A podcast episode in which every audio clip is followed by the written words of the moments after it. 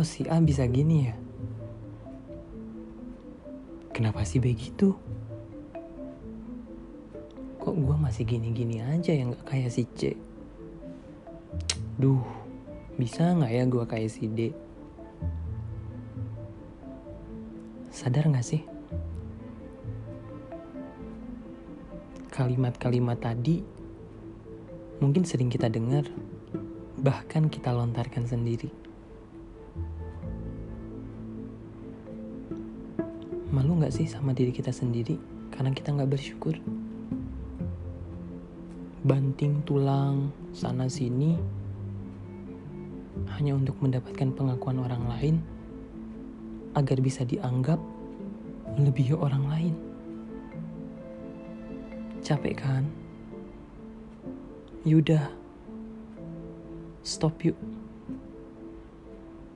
Stop untuk berpendapat seperti kalimat tadi. Coba deh, kamu berdiri,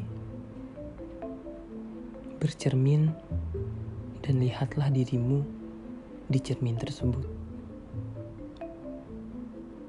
Betapa hebatnya kamu bisa sampai ada di titik saat ini.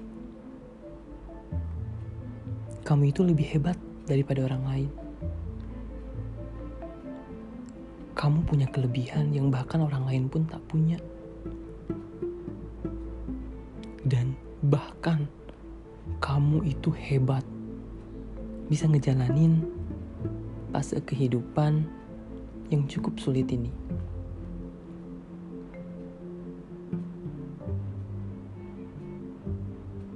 Pantas orang lain menganggap kita lemah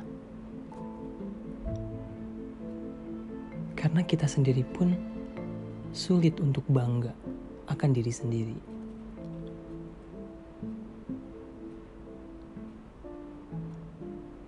Bahagia itu nggak perlu menjadi orang lain.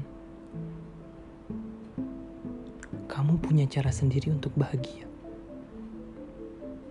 Dan kamu pun pantas untuk mendapatkan bahagia tersebut lebih dari mereka yang kamu banggakan.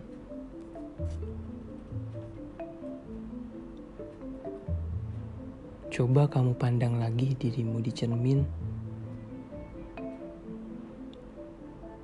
Ucapkan terima kasih pada dirimu sendiri karena sudah hebat berjuang tanpa menjadi orang lain.